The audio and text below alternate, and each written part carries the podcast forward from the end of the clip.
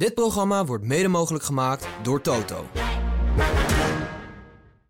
Ja, en hij was dan, eh, zeg maar zeggen, de, de, de controleur. Ajax zou hem denk ik nu heel goed kunnen gebruiken. ik denk dat hij nog op zijn 85ste niet veel had ondergedaan voor wat er nu uh, op die positie rondloopt. And uh, there used to be a ballpark where the field was warm and green.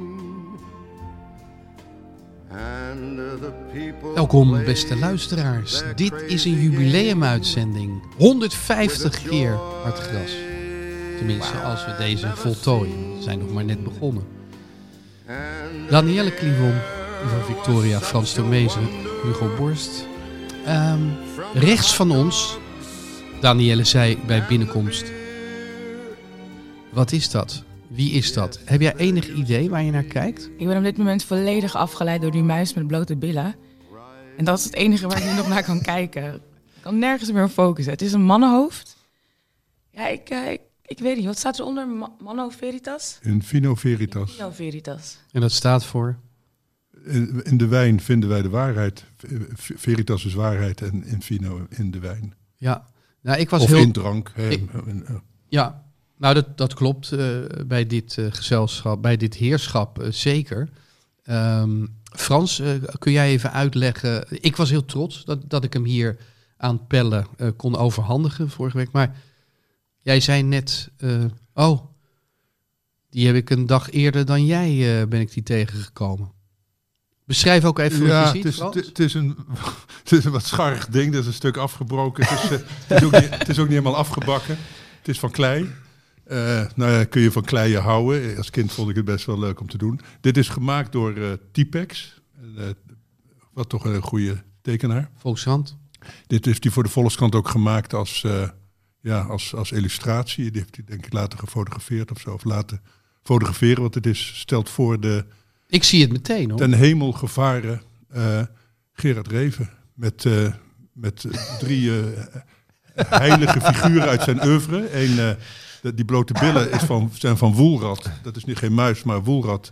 En daarnaast zie je tijgertje, die, de poes, vernoemd naar uh, tijgertje uit Winnie de Poe. Ja. En dat waren zijn eerste vriendjes, waar hij mee samenwoonde en uh, veel uh, ophef veroorzaakte in de goede oude tijd. Toen je nog heel makkelijk ophef kon veroorzaken. En dat, daar woonden, die, woonden ze drieën samen. En daarboven zie je nog een ezel. Dat is de muisgrijze ezel waar Reven van droomde in Op weg naar het einde, een van zijn meesterwerken, droomde dat God hem driemaal, dat hij, uh, dat, dat uh, het muisgrijze ezel aan hem verscheen, dat hij hem, hij met een kleine letter, hem met een hoofdletter, driemaal bezat in zijn heilige opening. En dat uh, heeft toch tot kamervragen geleid. Ja. Oh ja. door, door iemand van de toen CAU, dat was, dacht ik. Mensen. Het boek moest verboden worden, begrijp ik? Ja, dat moest verboden en er moesten wetten komen die dit, uh, dit, dit, dit, dit, in de weg gingen staan. Want uh, God, toen heeft Reven een schitterend pleidooi gehouden over erotiek en religie. Dat dat heel erg samenhangt, mystiek en de, de vervoering van, de, van het orgasme en het godsbelevingen. En daar, heeft, daar is die, heeft hij zichzelf ook verdedigd voor de rechtbank en hij is vrijgesproken. Zo, Danielle, nou jij. Ik kan toch niemand overheen? Jij, ja, oh. Jij herkende hem niet, hè? Nee, de, absoluut niet. De oude baas. Heb je wel eens wat gelezen van uh, Gerard Reven? Ja, die stond ook op de leeslijst op de middelbare school. Ik denk dat dat nog steeds zo is. Misschien de avonden. De avonden, ja. Inderdaad. Dus het is wel lang geleden, maar ik, ik zie het er nog steeds niet in, maar ik vind het echt prachtig. Ik vind het wel echt Het lijkt echt een dodemasker eigenlijk. Hè? Hij hij, ik denk dat de bedoeling is dat hij droomt, maar het ziet er nu meer uit, vind ik, als een dodemasker. Dus het heeft iets uh, morbides. Ik, uh, hij lag bij, volgens mij bij Michiel Romein tussen de oude troep. Ja, jij was twee dagen eerder bij Michiel. Um, en, en Michiel die bood dat aan. Ik zei, goh, hey, Gerard Reven, wat mooi. Oh, dan neem hem mee. Want ik heb hem cadeau gekregen. Maar ik heb al heel veel kunst. Jij ging ook een paar dagen eerder met een Lucebert naar huis. ja, Michiel die, die deelt altijd uit. die dumpt af en toe wat. Uh, goede kunst hangen. Lichten, hij had een mooie nieuwe Liechtenstein gekocht bij Willem Baars. Um, en ja, ik heb hem toen meegenomen. Maar niet weten dat jij hem gewoon hebt laten staan. Ja, ik, dat komt. Ik ben Jij zag er niks in voor, ja, voor je ik huis. Vind, ik vind hem als illustratie best wel leuk natuurlijk. Maar ik vind hem, ja, ik, ik, ik ben een eh, fan van Gerard Reven en het is, het is toch de voorstelling van Typex. Ik vind het, ik, het is niet mijn beeld van, eh, Het is niet jouw Gerard. nee. Dus het is, eh, hij, hij, hij lijkt bijna, dus hij lijkt helemaal niet, vind ik. Dus. Oh, hij lijkt bijna, dus hij lijkt helemaal. Dus je houdt niet zo van figuratief. Nee, ik vind dat je een afbeelding moet altijd een in, het innerlijk van, van, een, eh, van iemand weerspiegelen. En dit is, hij heeft van, dit duidelijk van een foto of iets dergelijks gedaan. En dan kan je nog beter die foto hebben. Ivo, Gerard Reven. Ik ben geen kenner van zijn oeuvre eigenlijk. Ik heb de avonden gelezen en eh, Ook op de middelbare school. ik kende wel het verhaal van, eh, van de godla- godslastering. Eh, maar eh, nee, eigenlijk eh, ben ik er nooit echt, of nog niet, eh, ingedoken. Wat zou Gerard Reven van, ja, het schiet ineens door mijn hoofd, van de, de affaire Overmars hebben gevonden?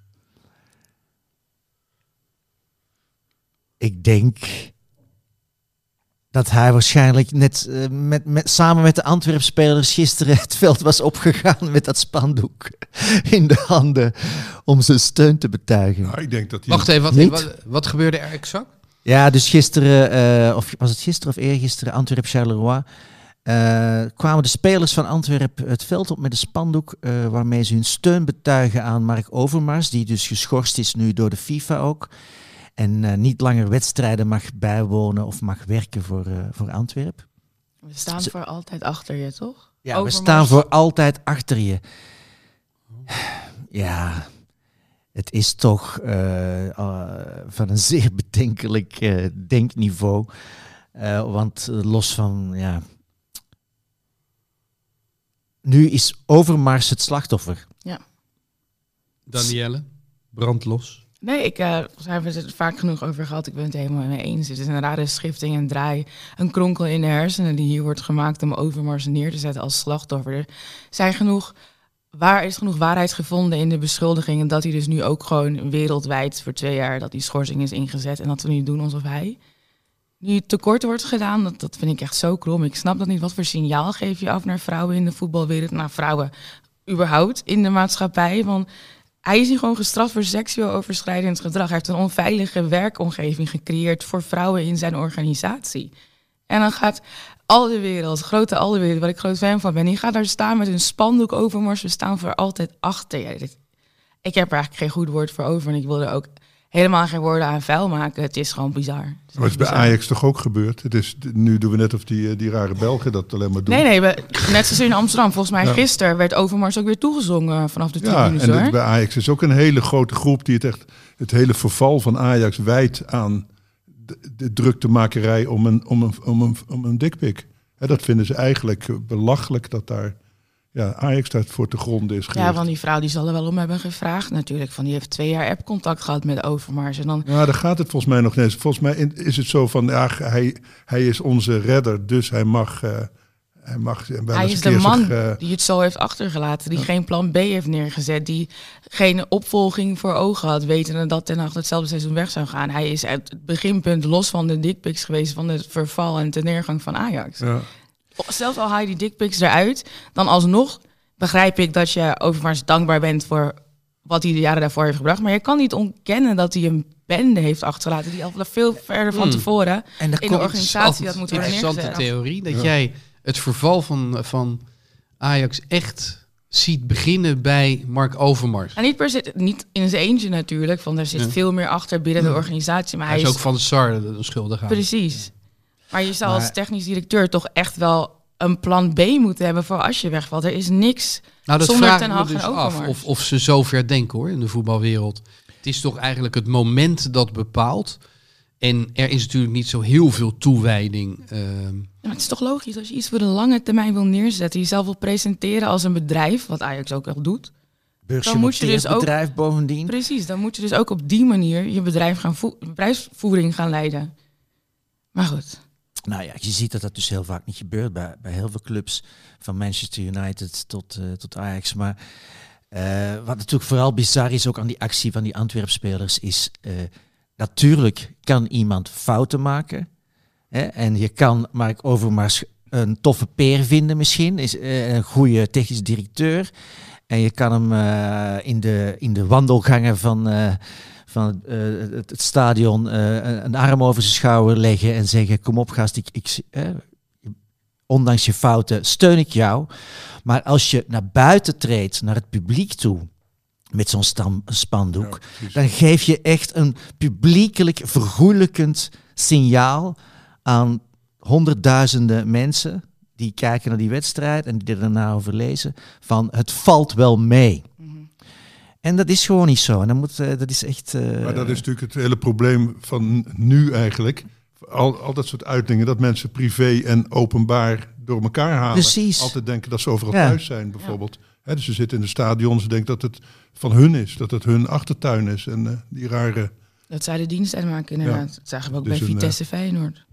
ja. Ja, daar gaan we het zo over hebben. Nog eventjes over Antwerp. Ehm, hoe is het er eigenlijk mee? Eh, plekje 4, 5? Eh, zes, zeg ik net. Ze staan zesde, maar op drie punten van plek drie. Dus dat valt dan nog Oh. mee. Ehm, maar het gaat slecht bij Antwerpen. Ja, wonderlijk genoeg zitten ze in de financiële problemen. Dus eh, Paul Gijsens, de grote man, eh, die zijn zaakvoering heeft eigenlijk last van de stijgende rente. Dus Die man is toch puissant rijk? zo rijk als de zee diep is, maar eh, de rente is gestegen, waardoor zijn eh, bouwprojecten allemaal veel duurder uitpakken. Zoiets is het, waardoor hij nu in cashflow-problemen zit. Dus in een van zijn bedrijven, hij heeft ook nog een of andere website, een, online mediabedrijf. Daar zijn al maanden de salarissen niet betaald. Eh, een kapitaalsverhoging, al lang aangekondigd voor Antwerp, eh, is er nog steeds niet. Eh, daar zijn ook een aantal premies niet betaald eh, aan spelers en, en aan eh, ehm, eh, personeelsleden. Dus stilaan tekenen zich de contouren af van een ja, aangekondigde tragedie natuurlijk. Want bij dit soort figuren weten dat vroeg of laat gaat dat mis. En, en nu zit het er blijkbaar aan te komen. Heeft misschien ook wel te maken met de nog steeds aanslepende twist rond de grond waarop tribune 2 staat. Ja. Eh, waar hij maar niks mee kan doen, eh, wat hem enorm frustreert. Eh, en waardoor hij misschien ook wel niet zo snel geneigd meer is om te investeren. Er is ook niet geïnvesteerd in spelersgroep eigenlijk, ondanks de Champions League kwalificatie. Waardoor Antwerp echt een te smalle kern heeft. Dat kost punten. Dus ja, er zijn allerlei voortekenen. Ik, ik zit mij al stilletjes aan weer voor te bereiden mentaal op eh middenmoot of tweede klasse voetbal misschien weer. Nou, Op- dat gaat wel heel binnen hard. afzienbare tijd, binnen Kom, drie, kom. drie seizoenen. Nou lijkt je net een Ajax-supporter. Dat, eh, Nee, maar dat, ja, dat, dat was natuurlijk. Dat, dat is ook typisch Antwerpen. Dat is altijd zo geweest. Hoge pieken, diepe dalen. Dat Ja. heeft ook wel zijn charme. het is net zo arrogant eigenlijk, dat Antwerpen als eh, Amsterdam eigenlijk. Hè? Eh, heeft dus, eh, ja, Antwerpen is wat dat betreft eigenlijk een soort van mix tussen Feyenoord en Ajax. Dus wel de, de, de energie en het, eh, het hevige van de Feyenoord supporters en tegelijkertijd de arrogantie van Ajax supporters. dat is het wel een beetje. ja. Hebben ze het beste van allebei of het slechtste? Op de beste momenten het beste. Oh, ja. Ja. in Antwerpen geldt het gezegde: hè, Antwerpen is stad en de rest is parking. dat is een beetje de houding. Ja. Ehm, even een sprongetje. Frans, ik, ik zag Ronald Koeman in grote problemen eh, bij de, het overzicht van eh, het eerste divisie voetbal. En ik heb het niet over eh, Ronald Koeman senior, maar junior. Wat was die aan het grabbelen in het doel van, van Telstar? Nou ja, het, soms Telstar supporters denken er, dat hij er neer is gezet eh, voor, voor de fun of zo. Want het is natuurlijk the man you love to hate bij Telstar. Hij, hij, hij, mist eigenlijk alles wat een goede keeper tot een goede keeper maakt. Maar hij heeft wel van zijn vader een enorme goede trap, eh, trap ge- geërfd, zou ik maar zeggen. Of denkt dat hij veel heeft moeten oefenen vroeger eh, in de achtertuin.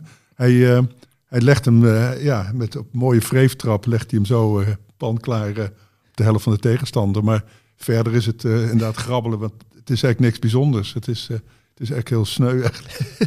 Komt hij wel eens kijken? Koeman De senior. grote Koeman, ja, heel, heel stil. ik, ik weet niet of het de met die zoon te maken heeft. Ik, ik ken het zelf wel. Als je, als je je eigen kinderen ziet voetballen, of hockey in mijn geval, maar nou voetbalt mijn zoon en als hij het slecht doet, dan, dan roep je ook min, minder hard op de een of andere manier. Je, het, het, je, je zit aan elkaar vast in een, in een soort bloedsomloop. Dus ik denk dat Ronald, ja, laat ik zeggen, alles, hè, de, de zelfverzekerdheid die hij kent in, eh, in zijn eigen voetballeven, is hij helemaal kwijt als hij bij Telstar eh, eh, Maar Ja. wel, mooi, tribune zit. wel mooi loyaal aan, aan zijn kind. Nou ja, het, het werkt vaak ook omgekeerd. Hè. Ik, ik ben coach van het volleybalteam van mijn dochter. Ik voel me dan verplicht om strenger te zijn voor haar. Ja, Om, om zeker niet verdacht te worden van... Eh, dat, en dat worden Ja, trauma's. Dat hebben. worden trauma's voor later. Dat zijn de trauma's van later. hè? ja, dat zijn de Mijn vader van- vond het nooit goed wat ik deed. Ja, ja. Dat heeft die kleine Koeman ook. Maar het is natuurlijk het lot eigenlijk van alle zoons van, eh, van grote voetballers. Dat die altijd, hoe, hoe goed ze ook zijn, altijd in de schaduw eh, staan. Eh Danielle, ehm, we gaan de Afrika Cup zo bespreken. Ehm, ik moet bekennen dat ik nog niet eraan toegekomen ben. Eh, maar ik stroom wat later in. Vind je dat goed? Gasp. Oké. Is het zo erg? We zijn al de tweede speelronde is I al know. afgesloten. Wat I gebeurt know. hier? Je hebt echt topwedstrijden gemist. Welke? Nou, gisteren Marokko-Congo was heerlijk om naar te kijken. Ja, bij Langs de Lijn was er dan weer geen scherm beschikbaar, weet je wel. Ik, ik denk, pak hem even mee. Maar eh, ja, dat zat er niet in. 1-1, Ik zou ook even de Senegalese televisie downloaden op je telefoon. Kan je on the go alle wedstrijden Oh, volgen ja. met heerlijk Senegalees Engels commentaar. Dat is echt een ervaring. Is dat Engels, makkelijk dat downloaden? Ze Ja, het zit gewoon ze in de Apple Store. Frans daar, of niet? Ja, ze doen Engels en Frans. En Door het elkaar? Frans, ja, door elkaar. Het is insane. Zuid-Afrikaanse televisie trouwens ook. Martijn Simons, die eh, ook voor Hartgas heeft geschreven en hier wel eens Ja. aanschuift. Die heeft gisteren Zuid-Afrika en Namibië via de Zuid-Afrikaanse televisie gekeken. Dus dat was ook... eh, nou, hij heeft er een stukje voor opgenomen. Het is echt heerlijk om te luisteren. En daar doen ze dus drie talen ook. Dat, dat, dat Afrikaans, eh, Engels en dan ook een Iz- Isazulu volgens mij. Dus dat, dat moet je wel even scherp zijn en focussen om het te volgen. Maar de emotie en de passie die erin liggen en de woordspelingen die ik dan wist te begrijpen in het Frans. Mijn Frans is echt niet heel goed, maar wat ik begreep, denk ik echt, oh, dit soort kleurrijke, bloemrijke commentaar, dat is heerlijk. Dat mis ik af en toe wel. Maar je merkt ook trouwens op Ziggo dat er zit één commentator bij. Ik ga zijn naam opzoeken, maar die deed gisteravond een wedstrijd. Ik hoor het al, die is niet goed. Nee, die is echt goed. Oh, die is wel goed. Ja, oh, gelukkig. Echt goed. Maar je hoort ook het enthousiasme in zijn stem. Ja, ja. En dat vind ik heel fijn. Het gaat niet eens zozeer om de woorden die je gebruikt. Maar dat je voelt dat de- persoon die het commentaar doet ook leeft voor die wedstrijd en ervan geniet. Ja, want wanneer is een Ja. commentator goed, Danielle? Nou, ik denk de meningen zijn erover gedeeld. Kijk, ik ben een heel groot fan van radiocommentaar. En ook af en toe luister ik gewoon die oude integrale, integrale radioverslagen terug. Dat is echt heerlijk. En dat is op een hele andere manier. Dat is veel meer, spreekt tot de verbeelding en je wordt erin gezogen. En ik denk dat ik daarom ook wel een liefhebber ben van, eh van El Siert.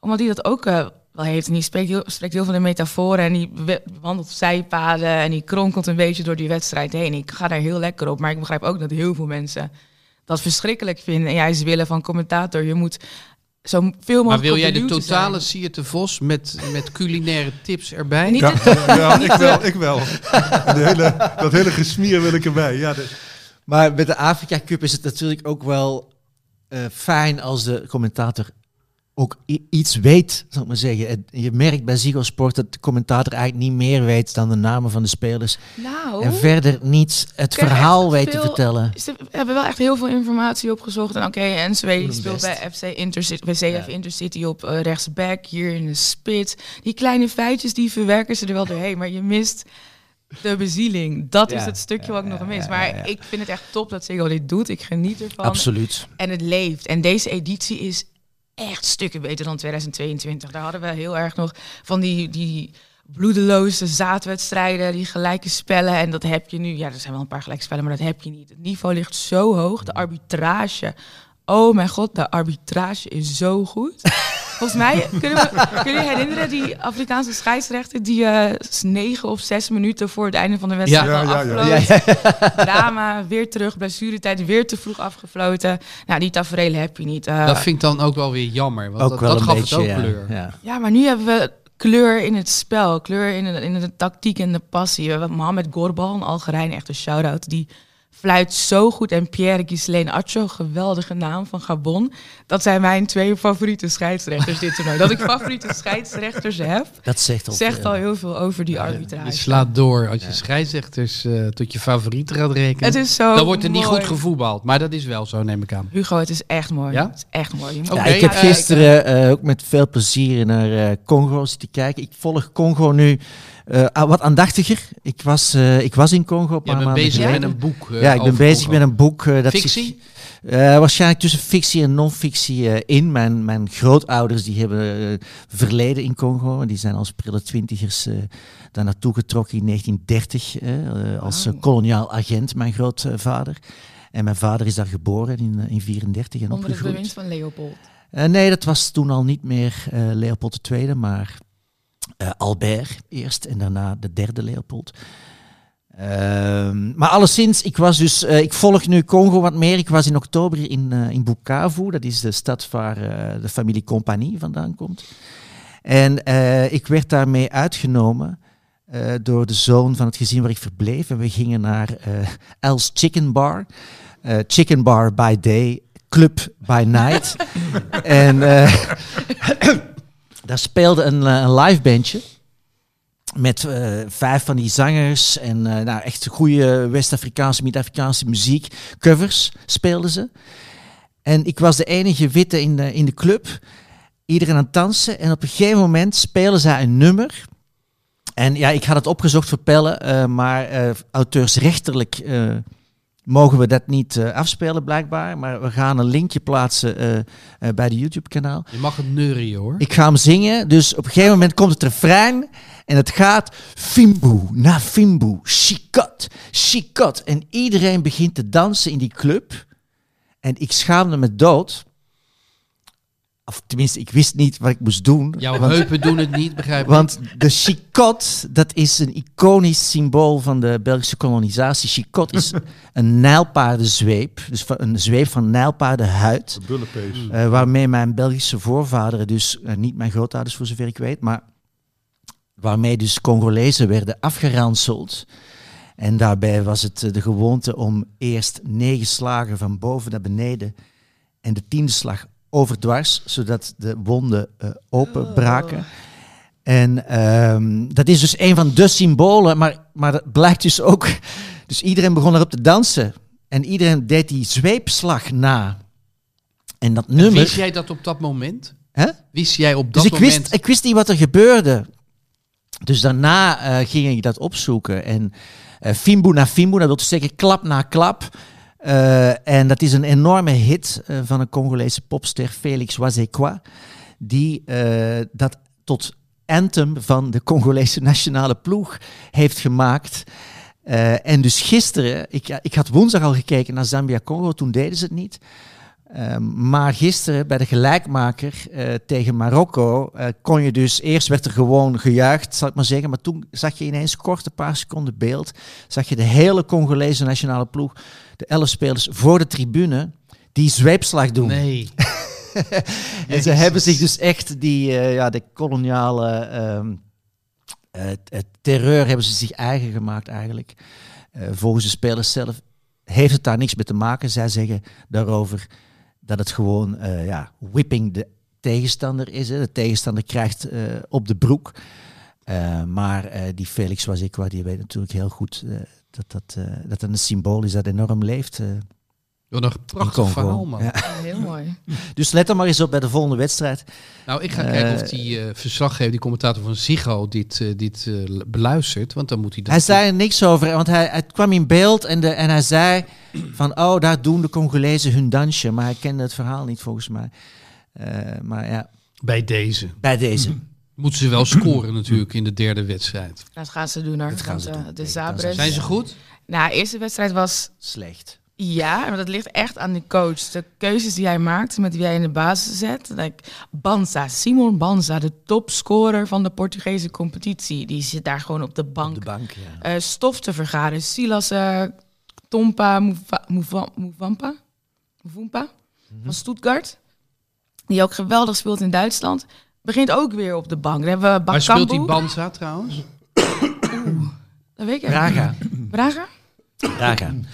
Eh, maar die scheen eh, geblesseerd te zijn, toch? Of licht geblesseerd. Nou, dat was dan de reden dat hem dat Twee wedstrijden ingevallen, zitten. inderdaad. Maar Makambu en uh, Gael Kakuta, cultheld kennen we, maar die staan dan in de basis en die doen helemaal niks. Ik, ik ben, ik, af en toe leer ik nu een beetje Congolees. Het enige wat ik denk is Zonga Nandaku. Ga naar huis, alsjeblieft, papa. Ga naar huis, ga op de bank zitten en laat de jonge gozers het overnemen. Want je zag gelijk toen de wisselspelers erin kwam, hoe goed dit Congo eigenlijk Maar is kan dat niet voetballen. hetzelfde als wat je vroeger bij Marokko had? Dat die, de, de inheemse spelers, zou ik maar zeggen, die daar voetballen, Mm. een soort voorkeursbehandeling hebben boven de, ja, de, de Nou, misschien- immigranten ja. die dan terugkomen en, en met, met Europese speel- ze spelen niet in en- Congo, hè? Dus Nee. ze spelen allemaal Nee. in Europa en eentje in Tanzania, oh ja. geloof ik. Maar ik denk dat dit voor de senioriteit voornamelijk is. Dat ze daarvoor de, de voorkeur hebben gekregen. Over Marokko gesproken trouwens en wisselen. Like, iedere speler die Marokko wisselt, daar komt er iemand voor terug die minstens net zo goed is als degene die eruit gaat. Dat elftal is bizar breed en diep. Het is niet... Kan ook in je Normaal. nadeel zijn dan, hè? Ja, maar tot nu toe heeft... Of is er wel een gezonde hiërarchie daar? Sijs heeft het eh, helemaal onder controle. Ja, gisteren aan het einde tegen Congo liep het wat uit de hand. Maar over het algemeen heeft Sijs, de aanvoerder van Marokko, Roman Sijs, die heeft de jongens echt onder controle. En ik denk dat dat wel goed zit. Maar niet normaal wat daar op de bank zit. En dan die Boeval, die kan je gewoon, een van de sterspelers van het WK, die kan je gewoon lekker op de bank laten beginnen. Je hebt eh El Kabi daar ook nog zitten. Nou, Unai die de, wedst- de sterren van de hemel speelt. Dit Marokko is Ja, want dat vind ik wel. Ik vind wel Unai en Hakimi en, En en Ziyech. Dat vind ik wel de sterren van de Zeg jij Ziyech? Ja. Ziyech? Of Ik had- Ziyech? Ik zeg Ziyech, maar Ziyech. Zij zeggen Ziyech. hè? Ja. Ja. Hakimi. Maar hoe is die? Ja, die speelde dus echt heel goed. Ja. Het was een beetje twijfel van, is hij wel fit genoeg? Hij heeft natuurlijk niet veel minuten het afgelopen seizoen gemaakt. Maar inderdaad, die driehoekjes Ja. van Unai, Hakimi en Ziyech. Echt een genot om naar te kijken. Kijken wij naar de eh, kampioen? Marokko? Want 1-1 tegen eh Congo. Ja, maar tegen Tanzania daar hebben ze 4-1 van gewonnen. Dat Ja. deden ze denk ik op max 60%. Ja. Hier tegen eh, Congo moet ik zeggen, de omstandigheden waren heel zwaar. Het was een hele warme dag. Het was heel vochtig ook. Je zag ze ook wel leiden, dus dat, dat zat al niet lekker. En Marokko begon weer op 60% aan die wedstrijd. Congo en dat- miste nog een penalty ook. Ja, en dat heeft het de das om gedaan. Dat ze eigenlijk Congo hebben onderschat. Als Marokko op 100% gaat Maar spelen... dat denk, z- zou ze niet een beetje arrogant zijn geworden na het WK dat zo eh, fenomenaal eh, verliep? Ja, dan is het goed dat ze nu best wel vroeg in het toernooi... toch wel even met de neus op de Ja. feiten zijn geweest. en Dat arrogantie geen plek heeft. Zeker niet in de Afrika Cup, waar we weten... de sterren uit Europa, die stellen bijna altijd teleur tijdens de Afrika Cup. Je moet van goede huizen komen. En Marokko is nu gewaarschuwd door Congo. Oké, voor- voorspel even de finale. Dan kunnen we je daar weer aan houden eh, volgende week en die week erop. Nigeria, Marokko. Nigeria, Marokko. En wie wint er dan uiteindelijk? Ik hoop Nigeria. Ron? Kelvin Bessie. Oh, Kelvin. Bessie. Kelvin Bessie. Je Nee, laat hem niet los. Victor Osimhen, Troost Ekong, dat ook uit Haarlem. Het heeft zo'n leuk elftal. Veel blessures wel, maar desondanks zie je ze groeien in dat toernooi. En die filmpjes die je als ze in het stadion inkomen, dansen met trommels. Het zijn zulke oprecht leuke jongens, hoe ze op beeld dan overkomen. Ik kijk alle filmpjes in de kleedkamer. JJ Okocha die nog langskomt. Victor Boniface die geblesseerd is afgevallen... en alle tegenstanders aan het trollen is op sociale media. Ik geniet zo van de hele hype en vibe. Zit de keeper van. Sparta erin of niet? Welke? Eh, Wij hebben in het doel Ja, gehad- die, voor- die voor Olij, hè? die hoort je ook weer. Ja. Die is goed was. Nou ja, ik kom even niet op zijn naam. Maar, er zijn sowieso eh, best wel veel eh, Nederlandse spelers actief op Hij speelt nu in. Italië. Ehm, eh, maar dat zegt jou niks. Nee, Maar we kunnen het even opzoeken natuurlijk. Ehm, Afrika Cup. En ze hebben de mooiste shirtjes, vind ik, Nigeria. ja. het zijn een soort mo- eh, dessins, het zijn een soort hele... Kijk, Pelle coming through, Okoye. Okoye. Nice. Maar staat hij erin? Nee, die staat er niet in. Nee? Oké. Nee. Maar die had uh, ja, in Interlandje vijf, zes eh, wel Staat gespeeld. hij er trouwens, volgens mij staat hij er wel in. Ah, kijk even. Ik ben hier even gewoon, ik haal, ja, ik ben natuurlijk altijd Bellen, kijk jij even. mooie keeper Tegen wie speelde Nigeria? Laatste wedstrijd op de Afrika Cup? Ah, Pelle gaat eventjes eh, zoeken. ja, een ont- ontzettend goede keeper. Het enige wat hij niet kon, goed kon was, eh, was meevoetballen. Daar had hij geen kaas van gegeten. Kwam uit Duitsland en, en, en Sparta heeft hem voor, ik geloof, 4 miljoen of zo verkocht naar eh, Brentford. Ja, daar is hij eh, er niet. Nee, het was niet Brentford. Maar even. Nee, hij doet niet mee. Oh, oké. Nou goed. Heel teleurgesteld. Ja, je wilt toch altijd weer wat Sparta van Sparta Mars weten. klinkt dus niet in Senegal. Nee, maar ook, ook niet op het kasteel hoor. Godsam liefhebber. Go Ahead Eagles, hè? Ja, Goeie ploeg. ja Go was ahead. niet best eh, Sparta. Ja, Sparta pakt zijn punten uh, buitenshuis. Ja, dat kan ook. Dat was vroeger nooit het geval. Vroeger. Vorig seizoen eh, ook niet. Ze volgens mij bijna niet te pakken op het eh, kasteel. Nee, het is, het is niet veel. Maar we gaan het niet over Sparta hebben. Eh, hebben we er even... Nee, nee, Waarom moeten we niet, niet? doen. Nou, gewoon omdat het eh, een matigjes is vergeleken met vorig jaar. Ehm, zullen we het eens hebben over... Ik ben eh, gisteren kapot gemaakt. Ik had als stelling bij langs de lijn eh, dat de nieuwe aankoop van Ajax een miskoop is. Niet wordt. Ik had lekker overdreven. Henderson is een miskoop. Nou, dan word je kapot gemaakt. Eh, Hoe denken jullie er, erover? Geloven jullie in de kwaliteiten, in de leiderskwaliteiten van deze middenvelder? Of het nou een box-to-box speler is of een verdedigende middenvelder. Ja, wat is die eigenlijk? En, eh, hij kan heel veel lopen. Lopen. Konden ze dat al niet bij Ajax? Nou, Lopen? dat Ging is wel. voetballen? Terug, teruglopen doen ze niet zo graag. Dus het, eh, behalve Bergwijn trouwens, die loopt Maar altijd. volgens mij heeft, heeft Michel hier vorige week echt een mooie monoloog over gehouden in deze podcast. En daar ben ik het mee eens dat we niet eh, veel van Henderson moeten verwachten. Nou, niet veel moeten verwachten van zijn voetballingkwaliteiten. Dat niet zozeer dat, maar de leiderschapskwaliteiten die hij binnen dat elftal kan brengen. Dat is waar ik denk dat hij het verschil kan maken.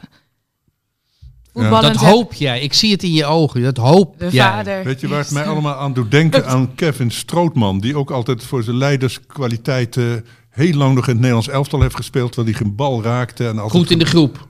Belangrijk Ja, voor de kleedkamer. Voor de kleedkamer. En toen is hij geruisloos op een dag verdwenen. Niemand heeft het verschil gemerkt. Nou, hij speelt nog in, in, de Nee, Serie maar A. de, de- ja, maar waar en als, Geen of idee. die wel of niet meedoet, volgens mij Ja. maakt het echt helemaal niks uit. Maar Jordan Henderson is misschien wel natuurlijk een speler die ontzag zal afdwingen binnen de selectie.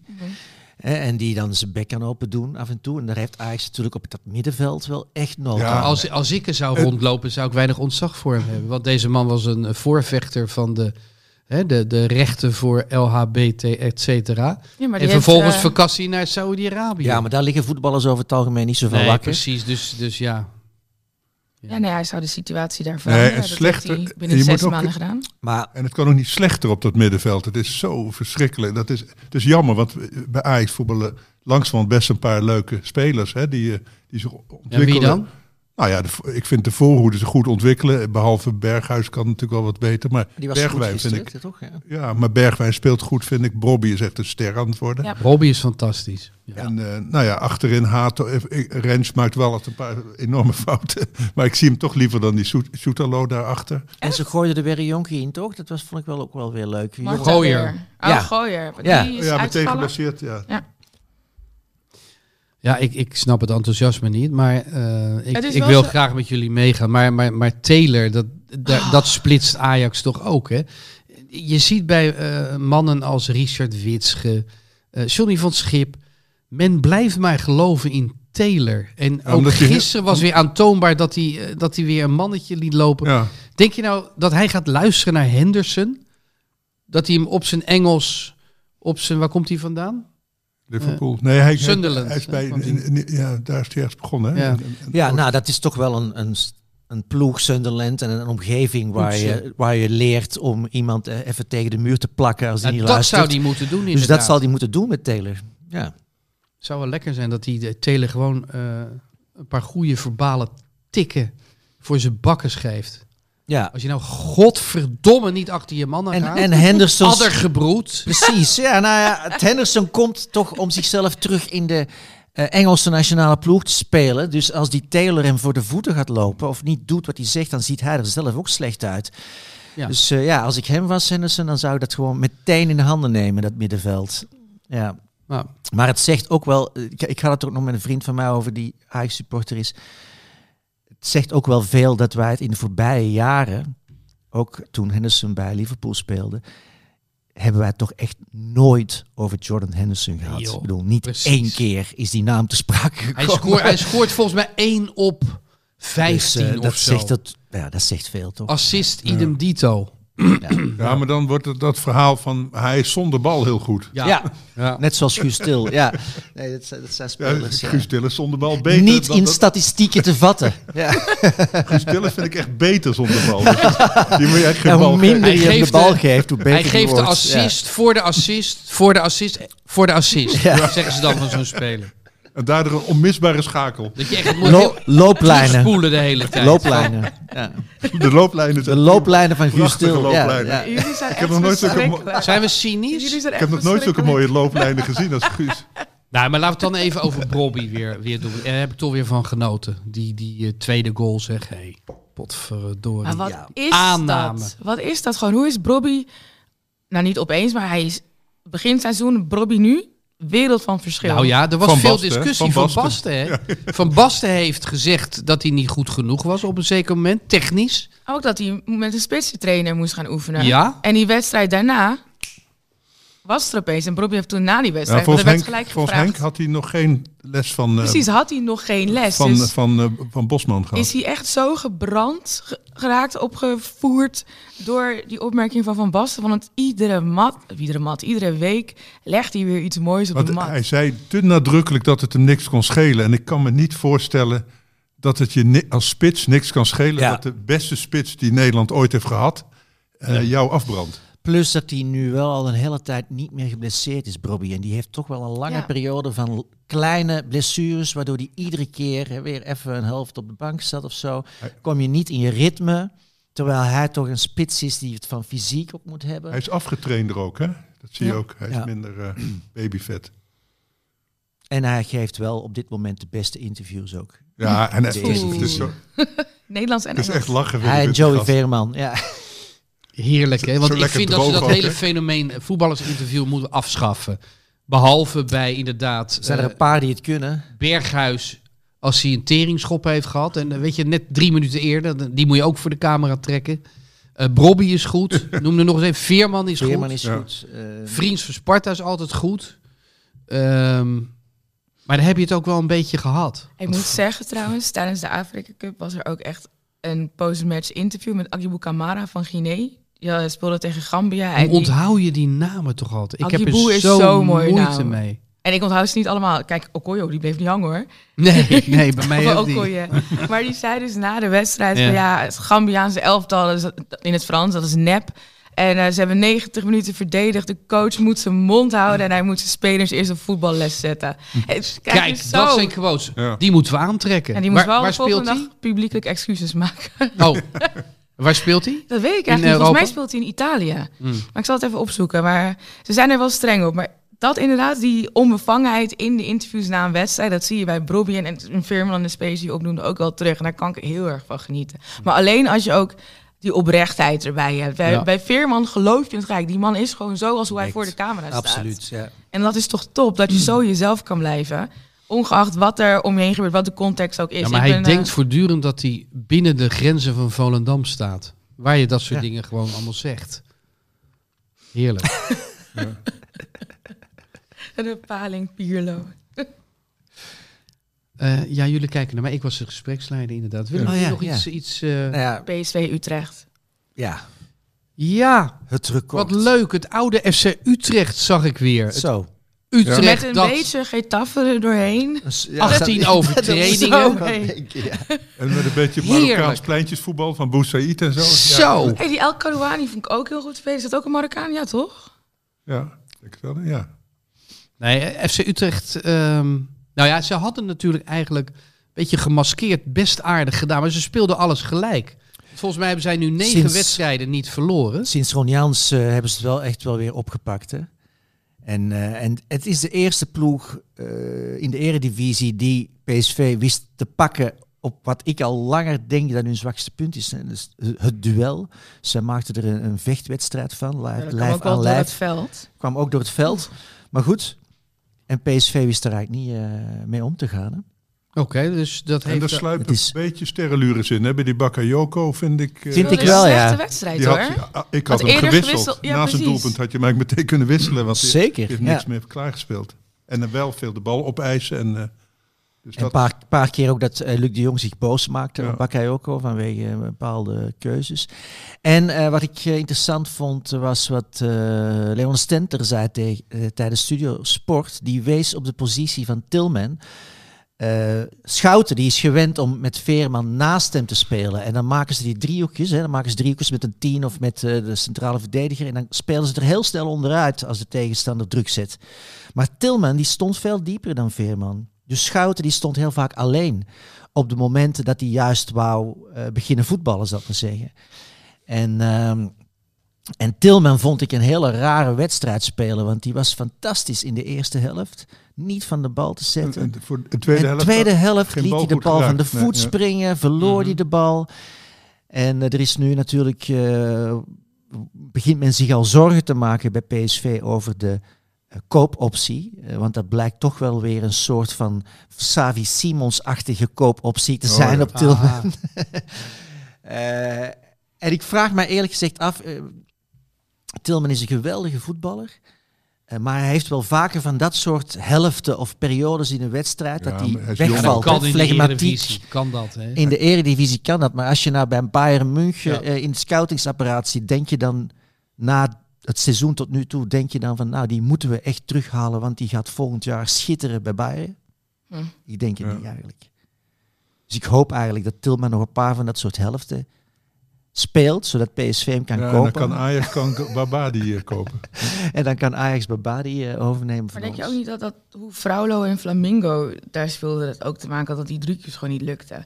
Want die speelde echt een bizar ja, goede ja, wedstrijd. absoluut. Ja. Nee, we moeten Utrecht eh, het zeker gunnen, eh, eh, het compliment gunnen. Hè. Dat- Nou ja, ze hadden moeten winnen. Ze hadden als, moeten winnen, Als een van de twee had moeten winnen, is het FC Utrecht. Als die verdediger die in de spits stond de laatste minuten van de wedstrijd en had gescoord, nou, dan was ik van het balkon gaan schreeuwen hoor. Die Modibo Ja. Sanjan, ik had even Ja. snel opgezocht. Echt geweldig, een grote zwarte jongen die daar staat en die ook nog even gewoon meebalde, je een voorzetje probeert te geven. Echt, het was geweldig. Het voelde bijna Afrika Cupiaans aan hoe die Ja. laatste minuten van Utrecht werden gespeeld. En Sam Lammers had ook wel zin om, om, om PSV... Ja. Nou, was lekker om die te zien. Ja. Zeker, Dat ja. is een lekkere was goed het speler, man. ja. Zo. Was me eigenlijk nog niet, was Wat- nog niet op mijn ook veel radar. te snel weggegaan bij PSV. Ja. Ja. Die heeft echt de verkeerde keuze gemaakt toen om snel weg te gaan bij PSV. Terwijl hij daar nog echt nog wel... eh, We komen eh, eh, bij de wedstrijd van de week. Die moeten we even voorspellen. Feyenoord FC Twente. Feyenoord heeft 2-1 gewonnen Feyenoord van heeft dan- volgens mij. Dit Ja. weekend. En Twente... Volgens mij. Twente verloren. Jij zat in de Afrika was- Cup en je weet niet helemaal ja, zeker ik heb of... dus Flarden van de Eredivisie Oh. meegegeven op mijn kleine schermpje. Ja, daar let ik dan weer op. Oh, ik Ja. had wel genoten van NEC Twente. Vond ik, eh, vond ik een leuke wedstrijd. Zeker NEC met... eh, Ja, schitterende die goal speelde- natuurlijk. Maar die speelde gewoon Twente echt weg. ja, Twente is het een beetje kwijt. hè. Ja. AZ ook. Dus Feyenoord, Feyenoord draait ook moeizaam, maar die, die pakken wel. Maar misschien hoor. moeten we even drie, vier dagen dan teruggaan. Want voor Feyenoord Twente wordt gespeeld Feyenoord PSV. Ja. Heeft FC Utrecht nou de, de aanzet gegeven van zo bestrijd je PSV? Even, eh, we zijn natuurlijk onwetend of Veerman zal spelen Nee, speelt tegen niet. Feyenoord. Nee? Hij gaat niet spelen, nee. Nou ja, dan kun je zeggen, eh, Utrecht zocht het duel op. Hè. Eh, dat zou dan eh, een mogelijkheid zijn voor Feyenoord om het daarin te zoeken, om ze daarin te bestrijden. Met Seruki eh, en, eh en eh, Wiever. Seruki. Wiever. Seruki is er niet bij natuurlijk. Oh, nee. Hoe, hoe heeft Wiever Ja. geen hersenschudding trouwens? Ja, die heeft drie keer is die Echt niet keihard normaal. op zijn kop gebeukt. Hè, ja. Die 20 minuten, ik kijk 20 minuten. In 20 minuten is het allemaal gebeurd. Er moet Ja, er dat- gewoon een arts naar kijken en zeggen: Oké, wij gaan deze jongen wisselen. Ja, vond ik ook Echt niet goed. Hij had een VWO-diploma, maar ik denk dat ze het nu zo doen. Hij hij zit, nu, hij zit nu even op VMBO, denk ik, eh, vanochtend. Ehm, en ik denk dat we trouwens, dat, dat vergeten we dan, Veerman speelt niet. Maar Saibari zit natuurlijk op de Af- Afrika Cup. En Ja. nu mist PSV, dus plots Saibari eh, voor die positie naast Schouten. Ja, Feyenoord mist Seruki, Feyenoord Ja. mist die uh, Japannert. Ja. En waar ik me ook- Jiménez is niet echt... eh, Nee, Gimenez. Is uit vorm. Ja. Ik denk dat hij met transfers bezig Ik is. maak me trouwens ook zorgen over de invalbeurten van Noah Lang en eh, Lozano. Die hebben nu drie wedstrijden na elkaar een kwartier mogen spelen. Ja. Drie keer Helemaal niks. helemaal niks. Met Ah, name Noah Lozano Lang. was wel een mooi schot op 0,0. de- Dat schot van lat, ja. Lozano op de lat, ja. Maar voor de rest... Eh, Toch, Noah Lang, die komt er ineens weer, denk ik. Ik mag het hopen. Dat is een jongen die geen vorm nodig heeft om er ineens weer te zijn. Dat kan op een training weer eh, ontstaan. Ja, En dan pakt hij het. en dan pak je het weer op. Het is allemaal op gevoel, denk ik bij Denk hem. ik, ja. Dat denk ik ook, ja. Alles wel is enorm fijn. En dat veel- hoop ik ook. Dat hoop had ook. blessuretijd wel enorm veel tattoos weer eh, vergaard, volgens mij. Want ik zag zijn blote bovenlijfje. Verse inkt. Ja, en die inkt die moet zich ook settelen in- in de huid. Dus eh, ja, misschien dat dat nog niet helemaal gebeurd is. Moeten we even op inzoomen. Ik ben toch al geïnteresseerd in zo'n verhaal erachter. Jij niet? Ze, ze doen het nooit zomaar. Het is niet Nee. zomaar, ik zeg maar, eh, Er zit altijd een heel diepzinnige leer zit daarachter. levenservaring ook veel. Weet, jij, weet jij een verhaal achter een tatoeage van een voetballer, eh, Daniel? Eh, ik moet nu denken aan eh Sané, die zichzelf op zijn rug heeft. Zichzelf. Zichzelf. Nee. Goedel, Heeft hij hem ook nog zelf gezet op zijn rug? Want dat zou knap zijn. Goedel, die heeft zijn vader op zijn dijbeen. Nou, daar kom je dan echt nooit meer vanaf. Nee, leuk voor die vrouw ook. Dat... Dan zit je altijd in een triootje. Krijg je dit Met je niet schoonvader. Beetje VI. eh, Ja, Henk is er niet, dus het kan nu. die zit nu met kromme tenen. Heeft het afgezet. nee, maar Feyenoord PSV. Sorry Ivo. Oh, Fey- of, eh, nou plots PSV. voorspellen? Feyenoord Twente gingen we toch doen? Nou, we doen ze allebei, joh. Maar de wedstrijd van de week is Feyenoord. eh, eh, oh, het is veranderd door Pelle. Ja. De wedstrijd van de week is Feyenoord PSV. Frans, wat wordt dat? Ja, de wens is de vader van de gedachte. En dan is het toch wel dat Feyenoord wint. Ja. En eh, hoeveel wordt... Nou, ja, dat hoef je niet te zeggen. Feyenoord Wel, dat moet je wel zeggen. Ja, toch? moet wel. Ja, Moet het wel? Ja, oké.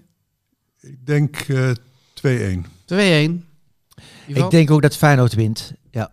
Wens is ook de- hier de vader van de gedachte. Wel, eh, ik, je merkt toch dat bij PSV eh, eh, een paar spelers op hun tandvlees zitten.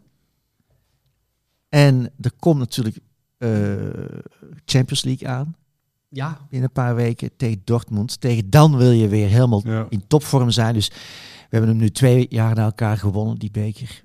Voor mij hoeft het niet. De druk is eraf van dat record. Dat is geëvenaard. Hè? Precies, dus ik zou zeggen, eh, laat bijvoorbeeld eh, die Land maar eens een keer voetballen bij PSV. Die is, een enorm talent. Hoe heet Eh, hij? Land. Eh zijn voornaam ben ik even Ja. kwijt. Eh, Figo. Tigo. Tigo. Tigo Land. Een soort van eh Frenkie de Jong, wordt er gezegd. Heeft hij in de voorbereidingen al een keer in de, Op in de de plek van Veerman gestaan. dus. Op de plek van Veerman. Laat hij maar eens een keer lekker ballen. En als je dan 2-0 verliest, is dat helemaal niet erg. Moet je wel tegen dat topmiddenveld van Feyenoord. Hè? Want Wiever en, en, eh, en de, de kleine Timber, die zijn wel enorm in vorm. Ja, maar ja, Wiever dus, die, eh, die loopt misschien nog een beetje ik zou groggy Tigo rond. laten landen in een... Niet in de Kuip, persoonlijk. I see what you did there. Oh, so sorry. Ehm, met of zonder Tigo Land, eh, Danielle, wat wordt het? Ik denk dat het een gelijkspel wordt. in de 90 officiële minuten en dan daarna... Nee. Penalties. Penalties, ja zeker penalties. En wie is dan de goede keeper? Bijlas zal op doel staan. Ja, En uiteraard. bij PSV eh, de, de Benitez, die wel echt goed in vorm is. Ja. Nee, Drommel doet Drommel. Oh nee, Drommel. Ja, Nee, jammer. dat- dat nee, dan... eh, nee, prima. Feyenoord, Feyenoord door. door met penalties. Nee, nee, PSV door met penalties. Mijn buurjongen is eh, beste vrienden met Drommel. Dus die ga ik nu even mentaal steunen. De woorden maken de wereld. Feyenoord PSV 2-2, dan penalties. Drommel stopt er 2. Zag je die fase trouwens bij die penalty van Bobby even Ja. op zijn drinkbekertje kijken? Ja, ja, Dat was grappig, hè? Hij pakte hem goed. Ja, Zeker. En Bobby moet 500 euro overmaken naar Bergwijn, omdat hij je mocht nemen. Is dat zo? ja. Nou ja, omdat hij hem heeft gemist natuurlijk. Hij wou natuurlijk die, die, die hat-trick Ja. maken. Ja. Dat nemen wij Bobby helemaal niet kwalijk. Maar hij moet het niet elke week gaan doen, penalties missen. Eh, ik denk ook dat eh, Feyenoord wint. Ehm, dat zou ook... eh, Jeetje, die, die Feyenoord heeft dan eh, een rijtje verslagen van... eh, Ajax doet natuurlijk sowieso niet mee. Goh, die, al die andere clubs die krijgen het makkelijk zeg. NEC wandelt volgens mij zo door naar... eh, of Vitesse zit er nog in. AZ zit er nog in, hè? Die, die krijgt de Misschien winnaar van Hercules wel Feyenoord PSV. keer. Ja, die krijgt de winnaar van Feyenoord PSV. Die moet naar de Kuip. Dus Hercules AZ zit er ook nog in, hè? Nee, die gaan eruit tegen Cambuur. ik moest wel lachen. Ik was in de studio van ESPN en daar zat die, die, die Pieters. Pieters? Die spits? Oh ja. ja. Die hem zo schitterend inschoot tegen Ajax. En Die links voor, hè? links, links buiten denk ik was het, hè? Ja. ja, die zei overigens... eh, dat hij helemaal niet regelmatig van dat soort doelpunten maakt. Dat was echt eh, Ja. een beetje een uitzondering. Iedereen denkt van, oh die gozer die schieten wekelijks, schiet hij er zo. Dat is helemaal niet waar. Hij zegt, ik ben meer de man van de assist. Maar er werd gevraagd, wie, wie wil je nou loten? Voordat eh, hij mocht die balletjes trekken met zijn trainer. Toen zei hij van, nou weet je, eh, doe er maar eentje uit de top drie. Want eh, ik heb eigenlijk nog nooit van de top drie verloren. Vond ik wel grappig. Het werd eh, Vitesse, geloof ik. Ehm, Ja, is dat de dan? koning, koning van de, week. koning van de week. Nou, dat zal wel iemand van de Afrika Cup worden. Vermoed ik zo. Ik Oké, moet er even over nadenken. Ga jullie maar eerst. Ivan. Eh, oh, ja, nou, ik, Al de wereld doen? Voor Danielle? Ron Jans. Ron Jans. Ron Jans, de eerste coach in de Eredivisie die PSV eh, op een gelijkspel houdt. Nou, ik Goed vind gedaan. Het, ik vind het dan jammer dat jij dan weer een trainer kiest. Sorry. Ja? Ja, pak een voetballer. Nou ja, die Boussaïd, eh, die de 1-1 scoorde tegen PSV. Dat is een geweldig voetballertje. Ja, en dat is Ja. echt zo'n pocket voetballer. Die Ja, zijn ook wedstrijden dat je hem helemaal niet ziet. Maar als die het op zijn heupen krijgt, eh, dan is het wel een heerlijke voetballer, ja. Frans? Nou, ik kies toch voor Brobby, want ik vind, eh, we, hebben weinig echte topspitsen in Nederland. En ik vind dat Brobby zeker de laatste week en met die twee goals, eh, nu vooral die tweede goal, laat zien dat hij ja, de, de beste Nederlandse spits is momenteel. Met Luc de Jong dan, hè, maar... Nou, Voor- dat zeg je nou, maar er is een soort ehm bashen gaande van Luc de Jong. Iedereen eh, heeft er een beetje een hekel aan dat hij misschien nog Dat wel eens kan terugkomen is. tijdens het EK. Ja. Nee, ehm, als je van Hanegem, geen recht op het EK. Weghorst is beter. Denk ik, jezus man, van Hanegem. Over? Derksen heeft het ook gezegd. Luc de Jong, zwaar overschat.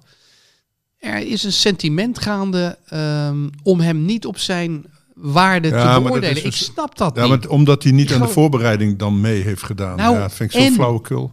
Ja, vind ik ook flauw. Je, je kiest toch gewoon de beste spelers. Nee, maar bovendien, hij was vorig jaar eh, eh, eh, zwaar geblesseerd, hè? Ja. een tijdje. Ja. En hij kiest nu echt voor PSV. Maar ik vind straks in maart ontstaat er een nieuwe situatie. Eh, en dan mag hij toch nog kiezen, als Ronald Koeman het zou willen, om voor eh nationale elftal uit te komen. En laten we nou eerlijk zijn, je begint een wedstrijd toch veel beter zonder Weghorst in de basis, maar met Luc de Jong in de basis. Ik Maar- heb nog liever trouwens Brobby hoor. Ja, Daar ik wou hadden we het- zeggen, Daar dus- hadden we het net over. Maar het sentiment anti-Luc de Jong, ik, ik verbaas me erover. Ik snap Nee, ik ook, want ik ben nooit een fan van hem geweest. Maar ik moet zeggen, de laatste jaren, sinds hij bij Barcelona speelde, vind ik hem eh, enorm een goede speler geworden. Ik vind hem ook heel goed in, de, in combinaties en dergelijke. Het ziet er inderdaad niet uit. Het is zo- zo'n vogelverschrikker. Ik denk dat ik er nog soepel bij, eh, bij afsteek. Maar het, het, dat, is, dat is het vooral. Hij ziet er niet uit als een goede voetballer. En dat... eh, Maar als ik nu Luc de Jong was... Kijk, het seizoen is natuurlijk nog lang. Als Bobby zich blijft doorontwikkelen, dan denk ik dat Zou je niet beschikbaar stellen? Zou je nu nog meegaan om op de bank te gaan zitten? Nu zegt iedereen van ja, we hebben geen, we hebben geen spitsen, we hebben geen spitsen. Eh, Luc de Jong moet mee. Hij krijgt nog één kans, Luc de Jong, om in het Nederlands elftal te spelen. Kan je naar het EK in Duitsland, wat kan jou het schelen dat je op de bank zit? Als je voor het Nederlands elftal het verschil kan maken. Of dat nou Ja. een paar minuten is. Zo heeft Kieft zich ook ooit onderscheiden tegen Nee, Ierland. dat klopt. Ja. Nou, misschien. bij. Feyenoord had je Joop van Dalen, de beroemdste invaller aller tijden misschien wel. Weet je wel? Die, eh, die in de Wereldcup eh, Ja. scoorde. Ja. En voor de rest gewoon postbode was de rest van zijn leven. Dus dat, dat is toch... eh, De Luc, daar zou Lucas naar moeten kijken. Ga eens een goed gesprek hebben met Joop van Dalen, Luc. Eh, Danielle, ben je er inmiddels uit wie jouw koning, ofwel koningin, dat mag natuurlijk ook. Nee, ik heb een koning van de week wel. Ik had hem net al heel eventjes genoemd in referentie naar die eh, verdediger van Utrecht. Maar Emilio Ensue, die rechtsback is bij een eh, Spaanse derde divisionist, CF Intercity. En die speelt dus eh, in de aanval voor Equatoriaal Guinea. En Equatoriaal Guinea heeft 4-2 gewonnen van Guinea-Bissau, de strijd van de Guinees. En Emilio Ensue maakte de eerste hat van deze afkom. En dat deed hij op wonderlijke wijze. En vooral de dansjes die daarna volgden waren echt geweldig om te zien. En ik denk dat die Dat is niet genoeg. Ik wil weten waar die dansjes voor staan. Want anders Nou- word je zo oppervlakkig als een Sigo-commentator. ik, ja, Ehm, hoe kan ik dit het beste nadoen? Het is een soort van robotachtige sprongdans en dan heel scherp katten met je knieën naar links en je ellebogen naar rechts. Wat is de koloniale eh, verklaring? Er is geen koloniale verklaring, maar hij komt volgens mij van Een Zamalulu. flinke elleboog tegen de overheerser. Zo, eh. Ja, welke overheersers? De Portugezen, de Fransen, de Spanjaarden en de Duitsers, die allemaal Zeg in het maar, wat jij wil. Volgens mij Equatoriaal is het Spaans Guinea, dus tegen de Spanjaarden dan maar. maar ik denk dat die hattrick van hem ook gewoon representeert waar deze Afrika Jij zegt draait. derde divisie. Ja, Dan wordt hij meteen weggeplukt natuurlijk. hij is 34. Oh. Wat voor Ajax. Ja. Naast Henderson. Me- Leiderschap, Als ervaring. hat-tricks- Als hij hat-tricks maakt, wat zelfs Bobby niet lukt. Nee, dat was hem weer. Emilio Ja, ik, ben, ik, ik wil hier ook wel helemaal niet meegaan. Nee, ik zal de beslissende stem Oh, geven. sorry. Zeg nog één keer hoe die heet. Emilio het en Sue. En Soué. Ja. 34 jaar. En eh, we sturen bij deze eh, het volledige scoutingapparaat eh, van Ajax eh, richting Afrika Cup. Goed, is- er verder nog iets Ja, ik dat... heb nog wel een dooie. Oh ja. Nee! Ja, het- hij, is, hij is al heel oud geworden. En hij was in voetbaltechnisch was hij al lang eh, overleden. Benny Muller, die, Ja, die altijd verbonden is met het Ajax van net voor de grote successen. Zo'n tragische positie. En, eh, maar Benny, Mu- eh, ik ben denk de oudste die hier zit. Ik, ik, Benny Muller hoort wel tot de spelers van de, een van de eerste elftallen die ik uit mijn hoofd kende van Ajax. En dat was... eh, Met Kruif. Kru- met de jonge Kruif. En, Ja. en hij was, hij was een eh, generatie ouder. Hij heeft... eh, Middenvelder, hè? middenvelder, heeft de oorlog meegemaakt als Joods eh onderduikjongen. Ja. Maar hij is 85 geworden. Ja. En, En, eh, zijn zoon was natuurlijk Danny Muller, die Ja. nog eh, onder en Johan hij was, heeft hij was een, ja, een hele onopvallende speler, denk ik. Want ja, ik keek dat in zwart-wit. Dus ik, sowieso vielen veel spelers In zwart-wit loop je ook minder hard, hè? Dat weet je.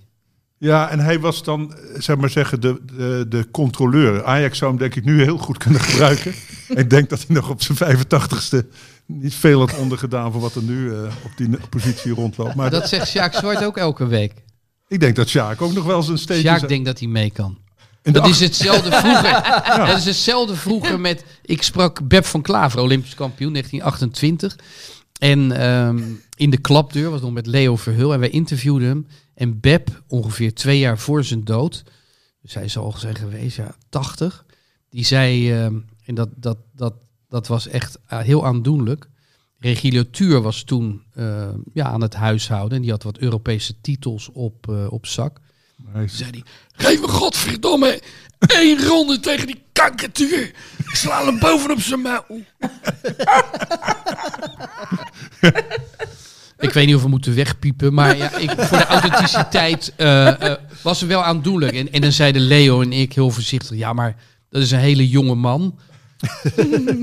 nou ja, goed, hij Ja, was... maar dat, is, dat kenden wij allemaal, denk ik wel eens. Als je nog eens voetbal, terwijl het echt niet meer gepast is, en het toch doet, dan zit er nog iemand in jou die er niet meer uit kan. Maar die, die heel hard wil rennen. Hij dacht het echt. wel-. Ja. Hij stond ook echt op die bokzak nog te rammen. eh, in de 80. Dus ja, dat, dat ging er inderdaad niet uit. Maar ja, Sjaak Zwart heeft dat, heeft dat ook. Maar jij denkt moet, dat... eh, heel- heel even snel tussendoor. Ik moet ook heel erg denken aan Ronnie Brunswijk, Surinaamse minister. Ja, oud 51. rebel en drugsdealer die nu gewoon minister is. En die is ook mede-eigenaar van een voetbalclub. En die vond dat ze zo slecht speelde. Die dacht, fuck dit. Ik ga gewoon zelf het veld en die heeft zichzelf erin gewisseld. Hij was 51 volgens mij. 51. ja. Echt insane. Ja, en dan zeg je niet als je wordt gewisseld met een zagrijnig gezicht. Hoezo? Je neemt dit gewoon maar ja en Benny. Muller zou dat nooit gedaan hebben. Dat was de bescheidenheid zelf. Hè. Ik, en ik heb zelf de herinnering die ik aan Benny Muller heb, behalve dat hij het gouden middenveld met Henk Groot, dat zegt niemand meer wat, maar dat was echt fantastisch eh, middenveld. En dan had je de voorhoede Piet Keizer, Nuninga, Kruijf, Sjaki, Zwart. En eh, achterin Tony Pronk, als, we de, voor de oudere luisteraars. Van dik hout zagen men planken. En eh Vasovic, Velibor Vasovic. Dat was wel een fenomeen. En links achter eh, Theo van Duivenbode. Rechts achter denk ik al Wim Suurbier.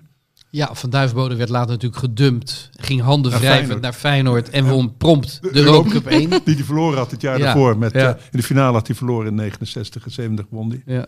En uh, Gert Bals op doel. Dat was, ja, dat was, en hij was, uh, hij is toen, geloof ik in de finale van 69, die ze met 4-1 verloren van AC Milan. Is die, ge- gewisseld of niet opgesteld. Maar in ieder geval, dat was toch het, toch het hoogtepunt van zijn, En carrière. wat er dan eh, gebeurde, Danielle, dan na je loopbaan, dan kreeg je een sigarenzaak. Ja. Dat was het, het lot van de oud voetballer. Maar toen ik in Amsterdam, stond je... toen ik in Amsterdam kon wonen, ben ik, eh, heb ik denk ik misschien wel mijn allereerste Ajax-kaartje voor de meer bij Benny Muller gekocht op de ja, want die kaartjes verkochten die sigarenzaak Ja, ook, hè? Die verkochten ze en ik vond dat gewoon een kick. En, en hij stond daar gewoon zelf achter de Achter toonbank. de- ja. Oh, wauw. Dat heb ik gehad met eh, het duo Eikenbroek ter Horst. Hans met- Eikenbroek, ja. ja, en die, die, die hadden een eh, slijterij op de Karel Doormanstraat in Rotterdam. Maar die verkochten ook Sparta-vlaggen. die ging je daar Je kunt- kopen. Maar het was heel mooi, hè? Dus ik loop die zaak binnen met heel veel stroom. Mijn vader had overigens mijn vlag verkocht. Ik zat als jongetje een beetje sneu Ja. Eh, tussen de benen van mijn vader op een volle eretribune. En ik had een vlag bij me en een toeter. Nou, als ik één keer op die toeter blies, dan keken al die mannetjes met hoeden boos om. Dus mijn vader zei, doe dat maar niet. Maar die toeter die was op een zeker moment ineens onklaar, om, om mysterieuze redenen. Ehm, maar mijn vader heeft me ook eh, verleid om, eh, toen er een zeeman op ons afkwam en ik liep met mijn Sparta-vlag naar huis. En die bood vijf gulden. Mijn vader zegt, doen, verkopen je vijf gulden man voor je. Die wilde ook van die Sparta-vlag af. Maar goed, ik kreeg zo'n spijt dat ik met die vijf gulden weken later naar de slijterij in de Karel Doormanstraat ging. En dat was zo mooi. Ik kom binnen en zij waren het centrum van de verdediging. En zo stonden ze ook, zeg maar, achter de kassa. dus je had Eikenbroek, dekte, dekte Gerry ter Horst met toepet. Ja. Had een toepet, hè? Dus hij was kaal, maar in de wedstrijd hè? een toepet. Hij werd een kaal. Ehm, is één keer afgevlogen trouwens bij een kopduel. maar zo stonden ze daar. En toen zei ik... Zo jongetje, wat kom je doen? Dat is toch een wijnzaak. Ik kom een Sparta-vlag kopen, meneer. Oké, dat kan. Die zijn 1750. Klinkt een beetje als een dierenwinkelscène. Hè? Of, eh, de dierenwinkel. Maar eh, ja, ik had maar vijf gulden. Nou, dan moet je nog even sparen. En ik wist niet hoe gauw ik weg moest lopen. Want die Eikenbroek had een heel groot, dik blauw oog. Waarschijnlijk een duel gehad met Wim van Hanegem eh, een eh, paar dagen eerder. En ik was als de dood voor die mannen. En eh, nou ja, dat is mijn anekdote. De vlag is er nooit meer gekomen, tot opluchting van mijn vader. En hoe komen we hierop? Ja, de sigarenzaak van Benny Muller. Ja. Oud-voetballers hadden een nering. Ah, en een Waar ze-. En, heb je ook geen man? Ik had een vriend die had een jasje van eh Molijn, Herenmode van Koen Molijn Ja. op de lijnbaan. eh, lijnbaan. Nee, Langhorst. Oh ja, Langhorst, Rotterdam-Zuid. want daar, daar, daar stond hij ook zelf in volgens mij. er ook Want dat veel had snackbars toch ook? Snackbars? Ja, Wie dan? ik moet je denken aan, aan eh Krol volgens mij. Een snackbar. ja, Kuki. Zijn vader had ja, volgens mij... ja, hij dus- exploiteerde inderdaad snackbars. Want dat was Ja. ook de, de schoonvader natuurlijk van de boertjes. eh, de Robbie Ve- Cohen. De, de Febo. Febo, Ja. zeker. Had Cruijff niet ook een schoenenwinkel of zo? In, de- in Nee, dat is zijn broer? Henny. Ja. Kruifsport op de Elandsgracht. Ja, En eh, van Henny, waar die later niks meer mee te maken hebben. ja. Smit Kruif heette dat later. Die zou maar de broer van Cruijff zijn. Ja, het Jij heeft had het hem- net over de zonen van, van eh, bekende voetballers. Maar Ja, maar De- hem heeft de- dat heel veel opgeleverd. Hij heeft zich voortdurend overal gepresenteerd als, als de broer van Cruijff. tot Cruijff er helemaal gek van werd natuurlijk. Hij heeft dat gewoon helemaal... Dat is net zoals Amerikaanse presidenten. Die hebben ook altijd van die broers of neven die dan... heb jij eigenlijk een broer, Frans? Nee, gelukkig niet. Een zus? Drie zussen. Zo. En leven die in jouw slagschaduw? Ja, die, is dat te doen voor ze? Zijn ze jonger? Moet, zou je aan hun moeten vragen? Zijn jongens. Ze, ja, ze, ze hebben wel veel onder me geleden, geloof ik. Ja. Ben je nog wel on speaking terms? Jawel, jawel. Eh, ik wel.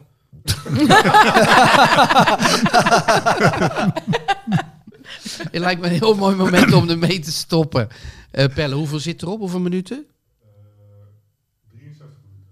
63 is te lang. Zo, lange aflevering. Oh jee, maar hebben we nog wat doms gezegd? Helemaal niks? Hm, Nou, daar hoeft er niks uit.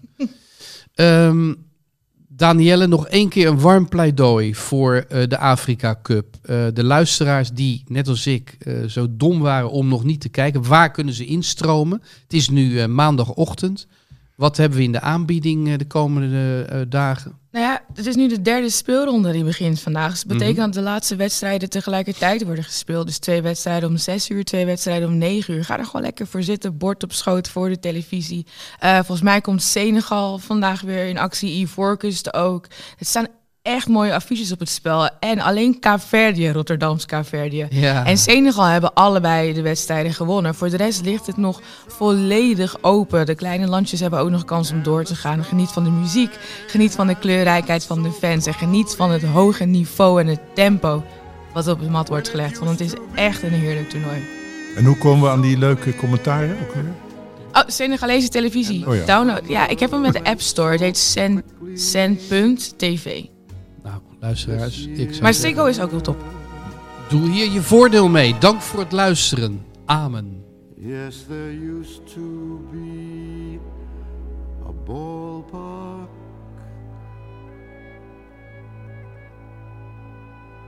right here.